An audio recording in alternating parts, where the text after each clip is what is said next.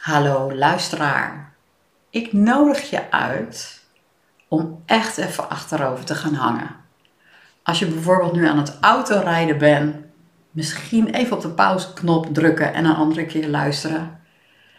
En echt gewoon eens eventjes lekker te luisteren, misschien in je bed of even erbij te gaan zitten. En probeer dus te luisteren voorbij mijn woorden. Ik ga het namelijk in deze aflevering hebben over deep listening. Op zijn Nederlands diep luisteren.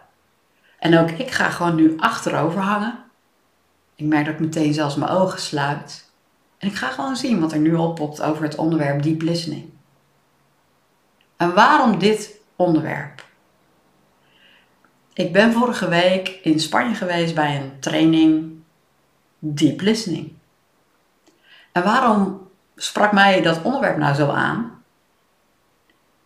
Ik kan me voorstellen dat jij het onderwerp misschien nog nooit eerder hebt gehoord. Deep listening. Het kwam bij mij ook gewoon een paar jaar geleden voor het eerst op mijn pad.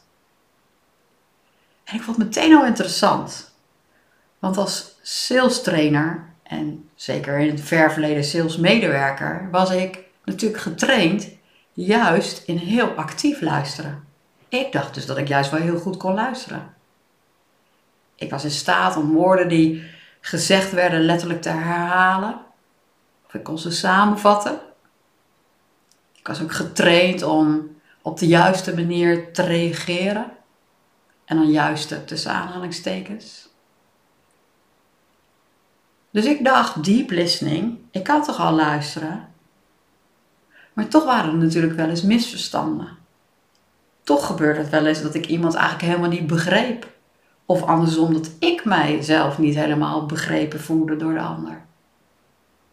Deep listening, diep luisteren, gaat dan ook verder dan de woorden zelf. En terwijl jij nu naar mijn woorden luistert, weet ik zeker dat er momenten zijn dat je even afdwaalt. Dat er misschien gedachten voorbij komen, dat je even terugdenkt aan vanochtend uh, of eerder deze dag hele bekende gedachten van, eh, oh, uh, heb ik de strijkijzer heb ik nou, eigenlijk wel uh, uitgezet? Oh, sorry dat je nu daar herinnert trouwens. um, misschien komt er iets voorbij dat je denkt, oh, ik moet straks nog boodschappen doen. Of komt echt letterlijk nu in de ruimte waar je nu bent echt een afleiding voorbij. Dat je eventjes niet echt luistert naar mij. Dat gebeurt regelmatig. Je bent in gesprek met iemand en even hoor je niet goed wat er gezegd wordt. Je bent even afgeleid door een andere gedachte. Maar het kan ook zijn dat ik jou dit nu vertel en dat jij dit verhaal al eens een keer eerder hebt gehoord. En dat je dan dat aan het denken bent. Oh ja, maar dat weet ik al. Ja, dat ken ik al. Oh ja, dat heb ik al eens een keer eerder gehoord. Dus je luistert eigenlijk niet fris. Je verwacht al iets te horen en je hoort misschien niet iets nieuws. Je luistert eigenlijk naar jouw eigen gedachten met, oh ja, dat weet ik dus al. Dat, dat wist ik al. Wat natuurlijk ook kan, is dat je luistert naar mijn woorden en er meteen een oordeel over hebt. Of dat nou is over mijn stem, over het tempo, over het geluid, de kwaliteit van het geluid. Misschien heb je een zelfoordeel, kan ook hè. Dat gebeurt mij regelmatig. Als ik luister en ik vind dat ik misschien niet goed genoeg luister, dat ik daar dan een oordeel over heb. Oh, Natasja, je luistert niet goed genoeg. Dat kan natuurlijk ook. En misschien komt dat nu niet in jou op, maar stel dat er wel iets is wat jij niet zo prettig vindt, dat er ook nog een gedachte komt met een soort van oplossing. Ook dat is heel vaak wat in communicatie gebeurt. Hè? Dat een van de twee wil meteen oplossen waar de ander last van heeft. Ook dat gebeurt mij regelmatig. Dat ik in een gesprek zit en iemand heeft een dilemma of een probleem of ergens last van. En ik wil eigenlijk de oplossing alweer aandragen. Ik ben eigenlijk niet echt aan het luisteren. Misschien geef ik de oplossing ook helemaal al veel te vroeg. En is die persoon er nog helemaal niet aan toe. Of kom ik met een oplossing die helemaal niet van toepassing is. En gaat de ander dan ook meteen in de verdediging. Ja, maar dat is niet wat ik bedoelde. En dat komt omdat we niet echt luisteren naar elkaar. Dus nou, dit zijn allerlei voorbeelden van type gedachten die voorbij zouden komen. Er zijn natuurlijk legio voorbeelden. Ik, ik vat soms zelf wel eens samen in een aantal V's. Die vind ik makkelijk te onthouden. Als ik luister naar een ander, dan zitten er soms gedachten tussen met verwachtingen. De V van verwachtingen. Of verlangens. Of veroordelingen. En zo kan ik nog met een aantal V's wel verder gaan. Grappig dat er nu, ik weet dat er nog altijd een vierde V is, maar hij popt nu even niet op. Verwachtingen, verlangens, veroordelingen. Hij pot wel op. Vergelijkingen, vergelijkingen. En wat zou er gebeuren als we die gedachten, die dan af en toe zo verschijnen vanuit het niets, want dat zul je ook wel herkennen.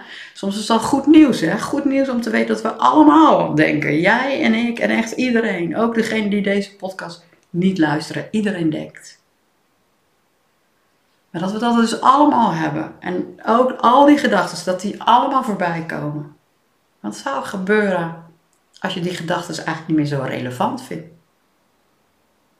Want dat is het, hè.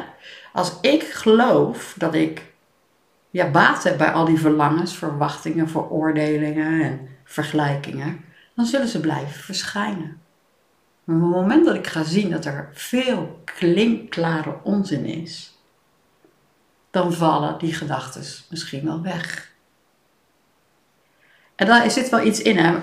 Ik, ik, ik had laatst ook nog een gesprek met iemand die echt een bepaalde overtuiging ergens in had. En ik dacht op dat moment, wat een klinkklare onzin. Maar voor die persoon was dat geen klinkklare onzin. En zo hebben we dat wel eens vaker. Dat jij echt wel ziet, nou ja, joh, dat is natuurlijk toch helemaal niet waar. Maar de ander ziet het nog wel als waarheid. Dus zolang jij een bepaalde gedachte ziet als de waarheid, als zinvol, zal die blijven staan. Hij zal blijven komen.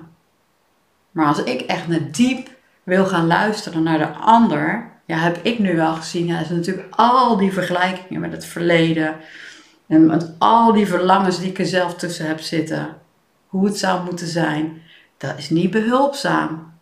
En als je dat echt gaat zien, dan vallen die gedachten dus weg. En misschien komen ze nog wel voorbij, maar herken je ze gewoon sneller en pak je ze wat minder snel beet. Dat bedoel ik natuurlijk niet letterlijk, maar zo voelt het, alsof je ze minder snel beetpakt.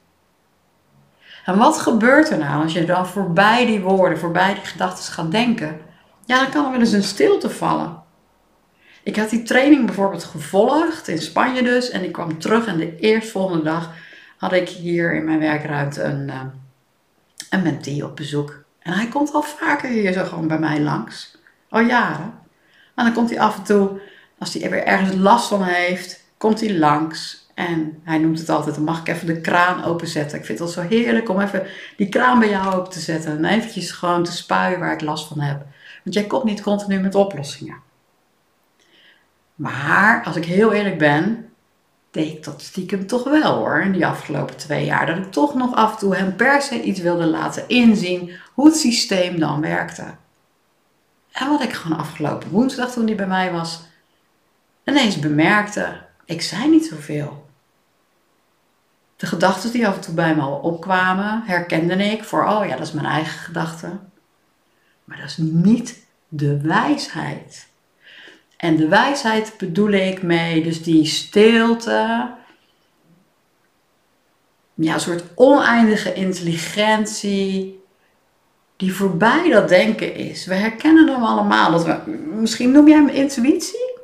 Ik kan er geen juiste woorden aan geven, want je kunt hem niet beetpakken. Het is juist zo die ruimte voorbij dat denken. En van daaruit popt er heus wel iets op, maar hoeft daar niet over nagedacht te worden of dat gezegd moet worden, ja of nee, en of dat wel klopt, ja of nee. Als het oppopt met een heel positief gevoel, met een overtuiging van weten, dan is dat de wijsheid. Zodra je daaraan twijfelt of dat het is, dan zit je alweer in je denken, in jouw persoonlijk denken. Dus tijdens dat gesprek met die persoon was het heel stil in mijn hoofd. Stiller dan ooit. En wat mij opviel is dat hij zelf al met de oplossingen kwam voor datgene waar hij last van had. Sterker nog, hij kwam echt met de meest prachtige metaforen aan. Zo herinner ik bijvoorbeeld dat hij zei: hij, had wat last van donkere momenten, laat ik het zo omvatten, zonder de details erin te gaan. Maar een beetje somber, een beetje in een lage gemoedstoestand. En hij had dan de neiging om dan lekker alleen op te gaan sluiten, terwijl hij zich al zo alleen voelde. En hij gebruikte de metafoor van ja, het is dan net alsof jij aan mij vraagt, ga schelpen zoeken op het strand. En dat ik meteen mijn hoofd naar beneden toe breng, mijn schouders laat zakken. En heel erg ga zoeken naar die schelpen. En voor hem dus hè, waren die schelpen de oplossing. Hij zei maar, als ik hier nu zo zit, komt er ineens hem op. Ik kan beter juist eventjes uitzoomen. Misschien gewoon eventjes op een duin gaan staan. En eerst eens gaan kijken wanneer het of vloed is. Want het heeft niet zo zin, veel zin om naar schelp te zoeken als het vloed is. En ja, het leven is en nou eenmaal vloed en eb en vloed en eb. En soms is het fijn en soms is het even wat minder fijn. Maar als ik ga zoeken met mijn schouders naar beneden, met mijn hoofd laten hangen naar beneden terwijl het vloed is, dan zal ik niet vinden wat ik zoek. Ik vond het een prachtige metafoor. Die kwam niet van mij uit. Het kwam vanuit de wijsheid. Ook hij had dit nog nooit eerder bedacht. Het popte op. Juist vanuit dat deep listening. Vanuit die wijsheid. Dus het hoeft niet bij mij als coach op dat moment op te komen. Juist vond ik het zo gaaf dat de persoon zelf, waarmee ik het gesprek had, die nog nooit van deep listening heeft gehoord, zelf al met de oplossing voor zijn probleem, in dit geval, zijn somberheid, zijn donkere gedachten, kwam. Deep listening is niet een vaardigheid. Je kunt het niet echt leren. Ik noemde het net aan het begin van deze aflevering een training. Het heet eigenlijk een retreat, maar bij een retreat heb jij misschien al gelijk weer een beeld. Heb jij misschien meteen al een gedachte. Vanuit een ervaring, vanuit het verleden. Maar bij een retreat hebben veel mensen gelijk een gedachte van een prachtige berg op Ibiza met een prachtige villa, yoga op het dak, zonnetje erbij, vegetarisch eten. Of anders is het in Valencia of in Portugal. Maar een retreat is veel meer bedoeld als een soort terugtrekken. En dat was het wel. Echt gezaren met elkaar. Een heel internationaal gezelschap trouwens. Over heel de wereld. Maar wat mij opviel is dat het dus eigenlijk maar weinig Nederlanders waren. Want de Nederlanders die er waren, dat waren dus twee mensen uit Breda. Linda, mijn vriendinnetje en ik. Want wij er al enigszins van gehoord hadden. Maar eigenlijk is het nog heel erg onbekend hier zo in Nederland. En ik denk wel eens, een paar keer zo voorbij gekomen, oh wat zou het cool zijn als veel meer mensen dit zouden kennen. Want wat er bijvoorbeeld ook oppopte, wat heel tof was tijdens dat weekend. We hebben natuurlijk ook een beetje geoefend met elkaar. En er was bijvoorbeeld een Amerikaanse die er was. Die echt heel erg pro-Trump is. Uh, nee, anti juist, excuus. Anti-Trump. En last van heeft dat haar omgeving dus juist pro is. En als je dan heel erg in die voor en tegen gaat zitten, wat vaak natuurlijk in communicatie gebeurt. En dan, ik moest meteen ook denken, toen zij over pro- en anti-Trump begon, moest ik meteen ook denken aan de periode van corona bijvoorbeeld. Dat ook mensen hadden heel erg anti- of pro-vaccinatie. We hebben in Nederland zelfs sportjes op de televisie om gewoon te wijzen op de polarisatie die er momenteel is. Als het gaat over klimaat bijvoorbeeld. Het is heel erg voor of tegen. Maar als we daarin gaan zitten, dan luisteren we niet meer naar elkaar. Voordat er een goed of fout is, is er een soort veld, een soort van rust, een soort van ruimte. En laten we elkaar daar ontmoeten. En dat begint maar bij één persoon. Het is jij, jij als enige die mag herkennen dat als jij een overtuigende mening hebt van voor of tegen, dat het puur een gedachte is. Dat is niet wie jij bent. En het is ook niet fout, want jij hebt die gedachte gewoon, die, die popt gewoon voorkomen onschuldig bij jou op. Maar ook de andere kant werkt het systeem precies hetzelfde. ook daar zijn er gewoon gedachten. En ja, dat kan echt 180 graden andere mening zijn. Pro of anti. Maar daarin ga je elkaar niet vinden. Sterker nog, dan luister je niet meer naar elkaar. Deep listening. Laat die gedachten voorbij gaan. En misschien raak je zelfs wel gefascineerd. Ben je juist geïnteresseerd. Want het begint allemaal bij nieuwsgierigheid. Naar nieuwsgierigheid naar de ander. Nieuwsgierigheid brengt je verder dan luisteren naar je eigen gedachten. Nieuwsgierigheid naar dat blanco veld, de blanco pagina. En dan kan het zelfs zo zijn dat jouw eigen partner, of die collega waar je al jarenlang mee samenwerkt, of die vriendin waar je al 40 jaar mee omgaat, ineens weer met een frisse blik gezien wordt. En je communicatie wordt er een stuk beter van, kan ik je vertellen. En veel leuker en gezelliger. En wie wil dat nou niet? Nou, je merkt al, ik kan hier echt nog heel lang over verder kletsen. Maar voor deze podcast is het misschien wel genoeg. Jouw eerste kennismaking misschien wel met deep listening. En ik ben ook benieuwd hoe jij dat nu zo hebt ervaren om mij hierover te horen praten. Maar ook, hoe was het voor jou? Zag je die afleidingen voorbij komen, je oordelen, je vergelijkingen? Wat kwam er voorbij? Ik vind het heel leuk als je me dat laat weten. Maar ik vind het nog leuker om samen met jou hier eens een keer over te babbelen. Op vrijdagochtend 7 juli organiseer ik dan ook een gratis online sessie. Dus als je daar interesse in hebt, de link staat in de beschrijving van deze aflevering. Dus in jouw podcast app kun je dus nu ook die link vinden om je daarvoor aan te melden. Nogmaals, het kost je niks. Hooguit een uurtje tijd. En dus 7 juli staat in het teken van deep listening. Ik heb hem communicatie genoemd, maar ik verwacht dat het heel veel zal gaan over deep listening. En heb je zoiets, nou, ik kan 7 juli niet. Ik weet dat ik de eerste vrijdagen van de maand in de zomer sowieso gratis sessies doe om gewoon wat meer met jou de diepte in te kunnen gaan. Dus je bent altijd welkom om mee te doen op een andere dag. En natuurlijk ook tijdens mijn dagretreats. Die eerstvolgende dagretreat is eind juni. Maar ook in september zijn er twee. In september zelfs eentje in Breda en eentje in Nunspeet. Dus ik zou het heel tof vinden als jou iets aanspreekt over dit onderwerp.